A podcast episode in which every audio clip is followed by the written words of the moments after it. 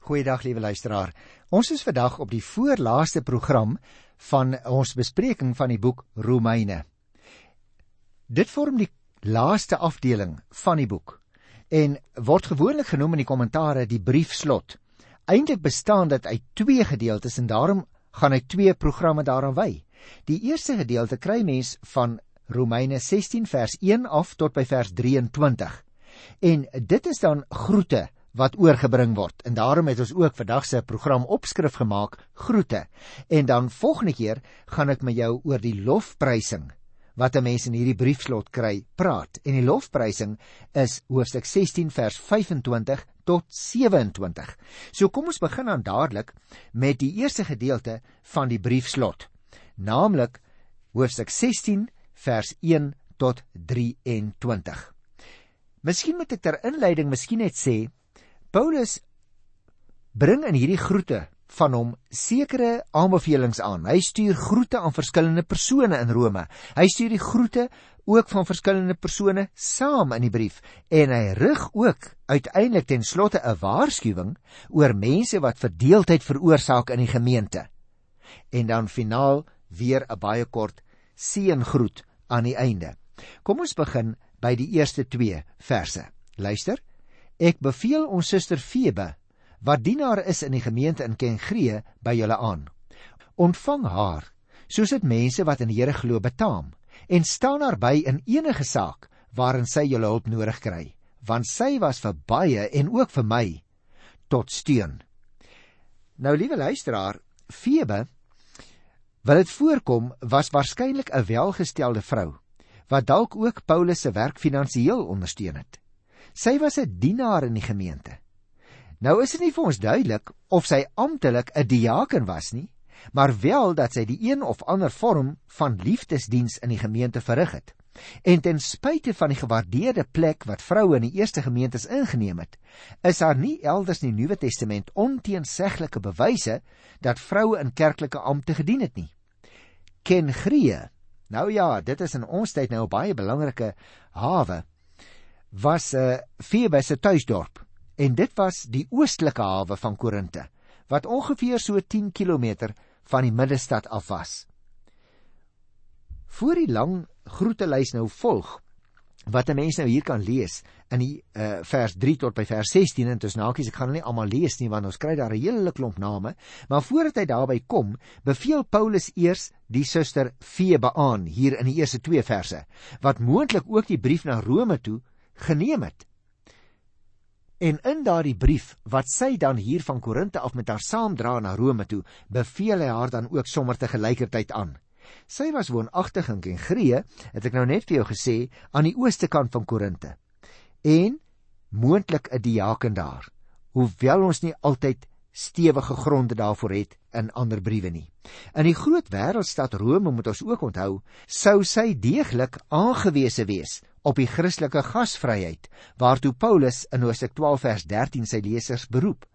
Nou moet ons dadelik sê, ons weet nie met watter doel sy na Rome toe gegaan het nie. Was dit miskien oor 'n regsprobleem?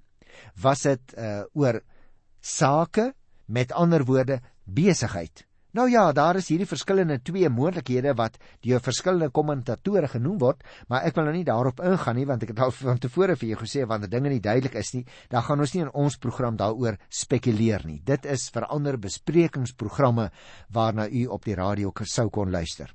Die Romeinse gelowiges word in elk geval en dit is vir ons duidelik uit die eerste 2 verse, hulle word in elk geval opgeroep om haar by te staan skryf Paulus. Nou waarin sy vir Paulus tot steun was en waarna hy ook hier verwys het, dit is ook nie heeltemal duidelik nie en daar is nou weer een soos ek net nou vir gesê het, uh, skrifuitleggers wat sê moontlik het hierdie vrou ook vir Paulus finansiëel ondersteun. Kom ons kyk na vers 3 en 4. Groete vir Priscilla en Aquila, my medewerkers in Christus Jesus, wat hulle lewe vir my gewaag het. Dit is nie net ek wat hulle dankbaar bly nie, maar ook al die gelowiges onder die heidene nasies.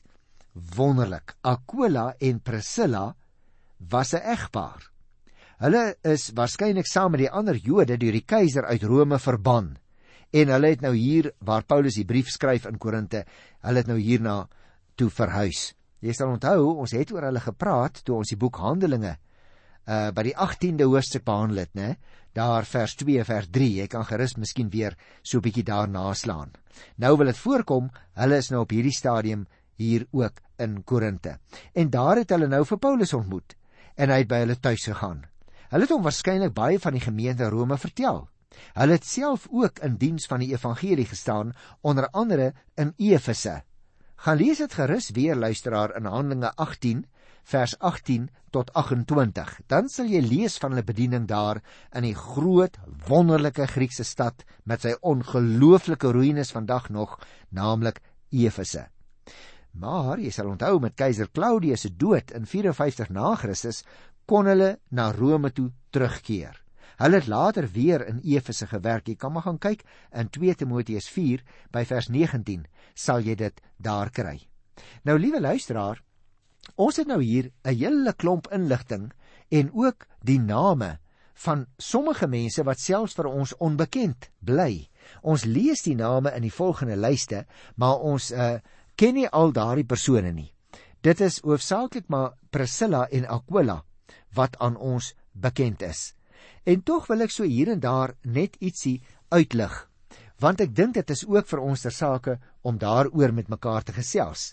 In vers 6 en vers 7 kry ons hierdie twee name wat vir ons baie interessante herinneringe roep oproep in ons uh, gedagtes. Luister so 'n bietjie. My groete verder ook aan my liewe vriend Epenetus, die eerste bekeerling van Christus in die provinsie Asië, en aan Maria wat baie moeite vir julle gedoen het. Vers 7 sê: Gee my groete ook aan Andronikus en Junias, my volksgenote wat saam met my in die gevangenis was. Hulle is hoog aangeskrewe by die apostels en het voor my al Christene geword. Nou luisteraars, die name Maria, Andronikus en Junias verteenwoordig eintlik 3 Joodse Christene. Van die laaste twee word dit uitdruklik vermeld net soos die van Herodion in vers 11 dat hulle stamgenote van Paulus is. Dis ook selfs moontlik dat Paulus vir al die Joodse Christene hier noem omdat die gemeente in Rome hoofsaaklik heidens Christene was.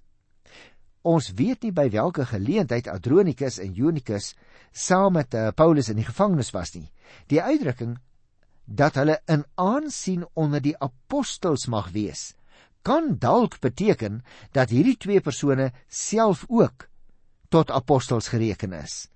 Behalwe die 12 apostels is daar moet ons onthou natuurlik 'n wye kring van die eerste disippels wat ooggetuies van Christus was wat apostels genoem is.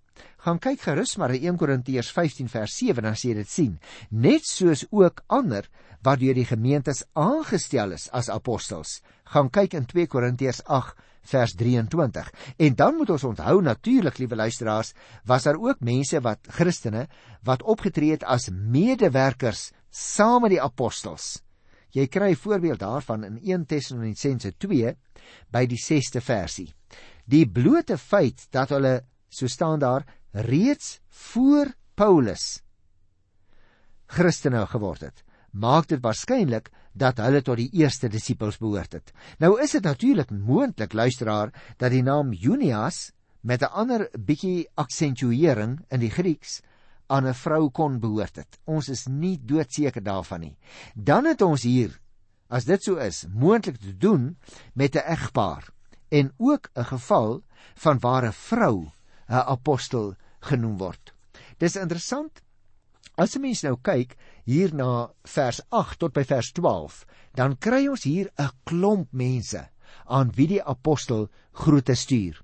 Nou ek wil ook nie op hulle almal ingaan nie, behalwe dat ek by vers 12 daarop wil wys dat die apostel as dit ware homself onderbreek wanneer hy sê groete, né? Want mense sou nou vra, nou hoekom moet hy uh nou homself hier onderbreek om nou as dit ware weer van voor af sy redenasie te begin. Kom ek lees dit eers. Groete verder ook aan Trifena en Trifsova en dan noem hy nog 'n paar name. Ons moet onthou, liewe luisteraars, sosiale diskriminasie het nie tussen die Christusgelowiges bestaan nie. Want ook van hierdie mense word vermeld dat hulle geliefdes is wat gearbei het in die Here en verskillende ander aspekte kom na vore. Moontlik was uh, Aristobulus die vriend van keiser Claudius en die broer van Herodes Agrippa, van wie dit bekend is dat hy in Rome gewoon het en ook daar gesterwe het. Nou by vers 13 kry ons ook 'n ander mededeling. Hy sê: "Dra ook my groete oor aan Rufus, die voortreffelike werker in diens van die Here, en aan sy moeder, wat ook altyd vir my 'n ma was." Nou bes moontlik is die Rufus waarvan ons hier hoor, die seun van Simon van Sirene. Gaan kyk gerus in Markus 15 vers 21. Dat hy die uitverkorene genoem word in die Griekse taal hierso, sien sekerlik nie op die ewige uitverkiesing nie, want natuurlik, dit sou tog ook van die ander gelowiges gesê kon word. Nou hoekom sou Paulus hom hier noem? Moontlik op die besondere voortreffelikheid as gelowige. Vandaar dat hy ook na hom in die Grieks verwys na 'n uitverkorene in die Here. Tussen hakies, liewe luisteraars, die moeder van Rufus word deur Paulus ook sy moeder genoem. Het jy dit opgelet? Waarskynlik dui dit daarop dat sy aan Paulus besondere sorg en liefde bestee het en by een of ander geleentheid moontlik selfs nog in Jerusalem. Daarom dat hy so op 'n baie deernisvolle manier na haar verwys want hy sê wat ook vir my altyd 'n ma was. Dis wonderlik dat die apostel na hierdie vrou wat in 'n groot mate vir ons onbekend was, uh, op so 'n manier verwys. Ek wens eintlik ons het meer inligting gehad, maar laat ons nou nie daaroor spekuleer nie. Luister na vers 14 en 15. En dan ook nog groete aan Asinkritus, Flegon, Hermes, Patrobas, Hermas en al die broers daar by julle. Ook aan Philologus en Julias, Nereus en sy suster en Olympas en al die ander gelowiges daar by julle. Het jy nou opgemerk 'n hele aantal name van gemeentelede telkens nog in die toevoeging van en die broers of soms In sommige vertalings staan daar die heiliges wat saam met hulle is. Nou luister na sommige van die mense se name wys op Joodse afkoms en ander van hierdie name wys op Griekse afkoms. Die punt is, die gemeente in die hoofstad daar in Rome het ongetwyfeld bestaan uit mense uit alle oorde. Daar was dus Jode wat tot inkeer gekom het tot die Christendom en daar was Grieke wat tot inkeer gekom het tot die heidendom en daar was ander Grieke van wie die name nie eers hier genoem is nie. Kennelik moes Paulus die omstandighede in die gemeente baie goed geken het. Soos byvoorbeeld ook blyk uit die vermelding van die suster van Nereus. Nou hoe sou hy die inligting gekry het? Want op hierdie stadium, het ek jou al vertel, sover ons weet, was hy nog nie in Rome nie. Hy sou natuurlik op 'n baie eenvoudige manier die inligting oor hierdie mense kon kry van ander Christene wat Paulus se pad gekruis het. Nou die gedeelte wat ek behandel wil behandel vir vandag sluit dan af hier by die 16de vers. Luister. Groet mekaar met 'n soen van Christelike broederskap. Al die gemeentes van Christus stuur vir julle groete. Nou luisteraars, blykbaar was dit in die vroeëre gemeentes gebruiklik om mekaar by die erediens met 'n kus te soen. 'n Mededeling daaroor by Justinus die martelaar uit die 2de eeu. Met ander woorde, uit 'n buitebybelse bron kry ons ook hierdie bevestiging dat gelowiges mekaar soms met 'n kus of soos dit nou nie 83 vertaling weergegee word met 'n soen van Christelike broed, broederskap hulle mekaar gegroet het. Dit dit was eintlik maar net 'n uitdrukking van die warmte van die onderlinge liefde. Die koudheid van later tye het toe nog nie ingetree tussen Christene nie. Jy weet hulle het tog vrymoedigheid gehad om mekaar so met 'n lekker soen op die wang te groet. Ek wil amper sê uh, iets daarvan lyk my het oorgebly tussen ons uh Afrikaner mense. Ons soen mekaar ons nou vreeslik graag. En jy kom baie gou agter as 'n uh, Afrikaans sprekende Christene uit verskillende oorde mekaar nie goed ken nie, maar hulle het nou so rukkie by mekaar gekuier en so, dan soen groet hulle mekaar sommer aan die einde. Maar hier gaan dit so bietjie uh, oor iets anders, want hier gaan dit oor 'n soen van Christelike broederskap. Ja, natuurlik sou ek wou sê dat Paulus kan vermeld dat die gemeentes van Christus in Rome, Rome groet, vloei natuurlik voort uit die feit dat hy as 'n skakelfiguur tussen die gemeentes kon optree aan hulle allerlei mededeling ook oor die ander kon maak en ook die groete kon meekry om oor te dra. Ag, nou ja, liewe luisteraar, dit lyk vir my die apostel neem in 'n groot mate die plek in wat kerklike vergadering later in die geskiedenis ingeneem het om die band tussen die gemeentes te bewaar en selfs ook te verstewig. Miskien behoort jy aan 'n kerk wat ook internasionale kontakte het. En dan sal jy sien wanneer dit gebeur in baie gemeentes, uh wanneer 'n dominee gaan besoek aflê in 'n ander gemeente, dan stuur daardie besoekte gemeente hulle groete saam met hierdie leraar na die gemeente waar hy teruggaan. En so gebeur dit dan ook dat sommige kerke na ander kerke groete briewe stuur voordat daar begin word met 'n belangrike kerklike vergadering of selfs 'n sinode. So dit is nie iets wat uh, vir ons vreemd is nie.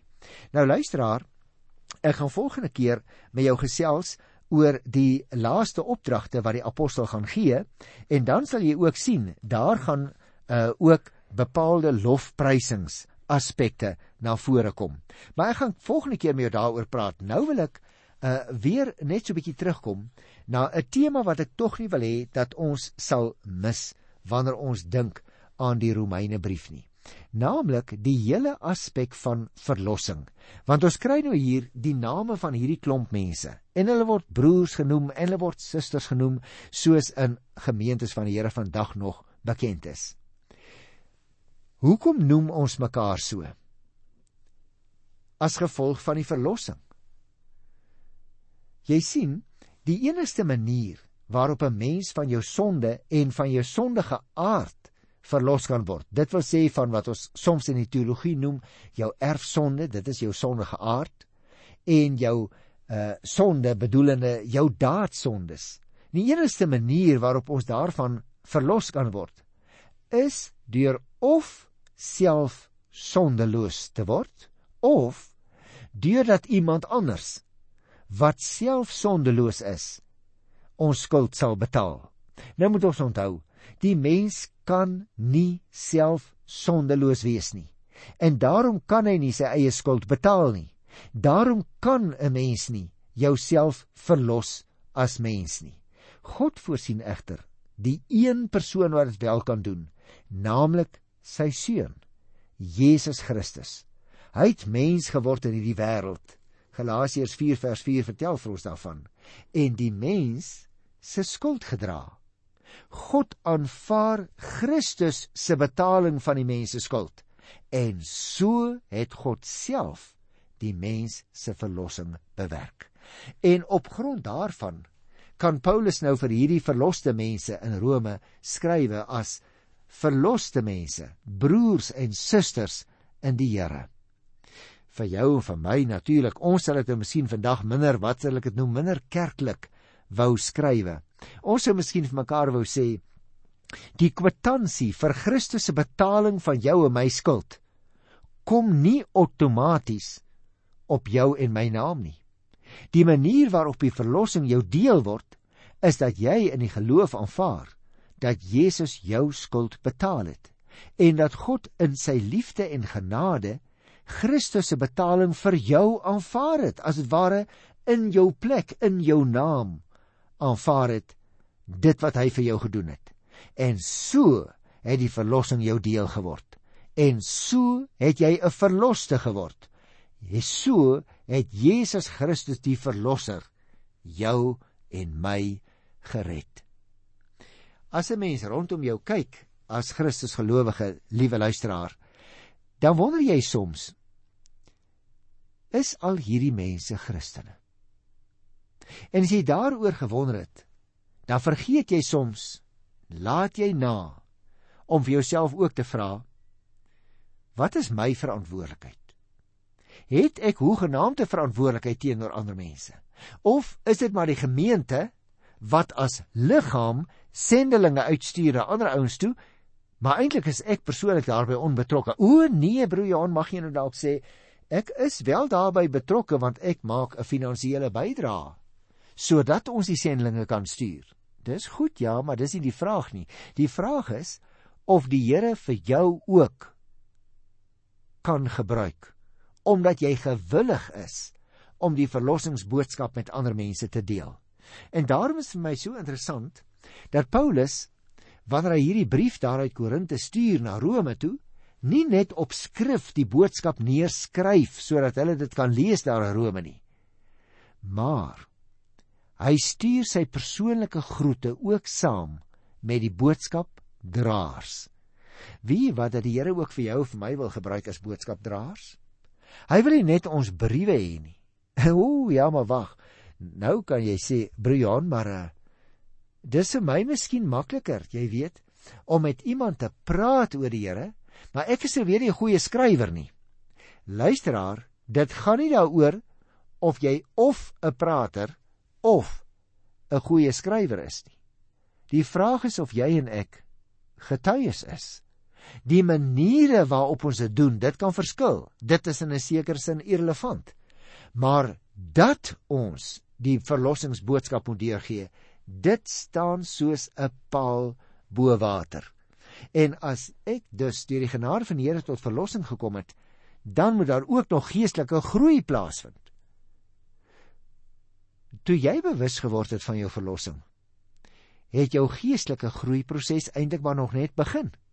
En luisteraar, as jy en ek nie geestelik groei nie, dan bly ons geestelike babetjies dan bly ons babas in die geloof.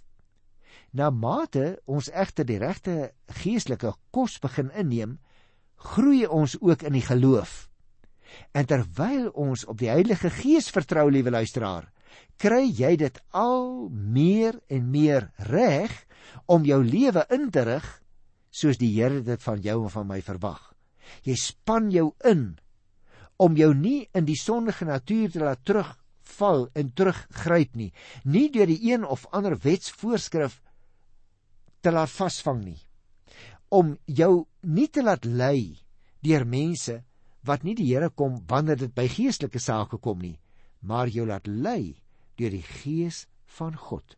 En daarom is die Romeine boek juis vir my so 'n wonderlike boek. Want wanneer die apostel groete stuur aan mense, dan koppel hy telkens daardie groete aan die Here Jesus Christus. Want jy sien Christus is ons vrede. Hy is die een op grond van wie se soenverdienste jy en ek vir iemand anders kan sê: "Hoe gaan dit met jou broer?" of "Kan ek dalk vir jou iets help doen, suster?" Liewe luisteraar, die groete bevestig andermal dat die groete van die Here ook deur ons as Christene met mekaar gedeel moet word. Daarom sal jy opmerk by die aanvang van 'n erediens word daar dikwels gesê deur die liturg: Ek groet julle in die naam van die Here. Met ander woorde, die liturg kom staan daar as 'n boodskapdraer, as 'n ambassadeur vir die Here, en hy groet sy luisteraars, die Christelike gemeente, die mense wat geroep is uit die duisternis tot die lig. Hy groet hulle en hy sê ook in die naam van die Here die seën vir hulle toe. En dan gebeur er nog 'n ding aan die einde van die diens. Voordat almal hierdie geseëndes en gegroetenis voordat hulle nog uitstap vir die nuwe week wat voor hulle lê, word hulle dan deur die liturg in die naam van die Here die seën toe gesê. En luisteraars, dit is nie net 'n ligte gebed dat die Here hulle sal seën nie. Dit is ook net soos die seën groet aan die begin is die seën aan die einde van die erediens 'n toesegging van God se seën aan sy kudde. 'n Toesegging aan elke een van daardie individuele gelowiges wat daar in die erediens meegedoen het. En daarom wil ek jou ook graag aan die einde van hierdie program, die voorlaaste program oor die boek Romeine, wil ek graag vir jou sê, broer, suster, ek groet jou in die wonderlike wonderlike naam van Jesus Christus en ek sê in sy naam vir jou die seën van die Here toe. Ek groet jou tot volgende keer.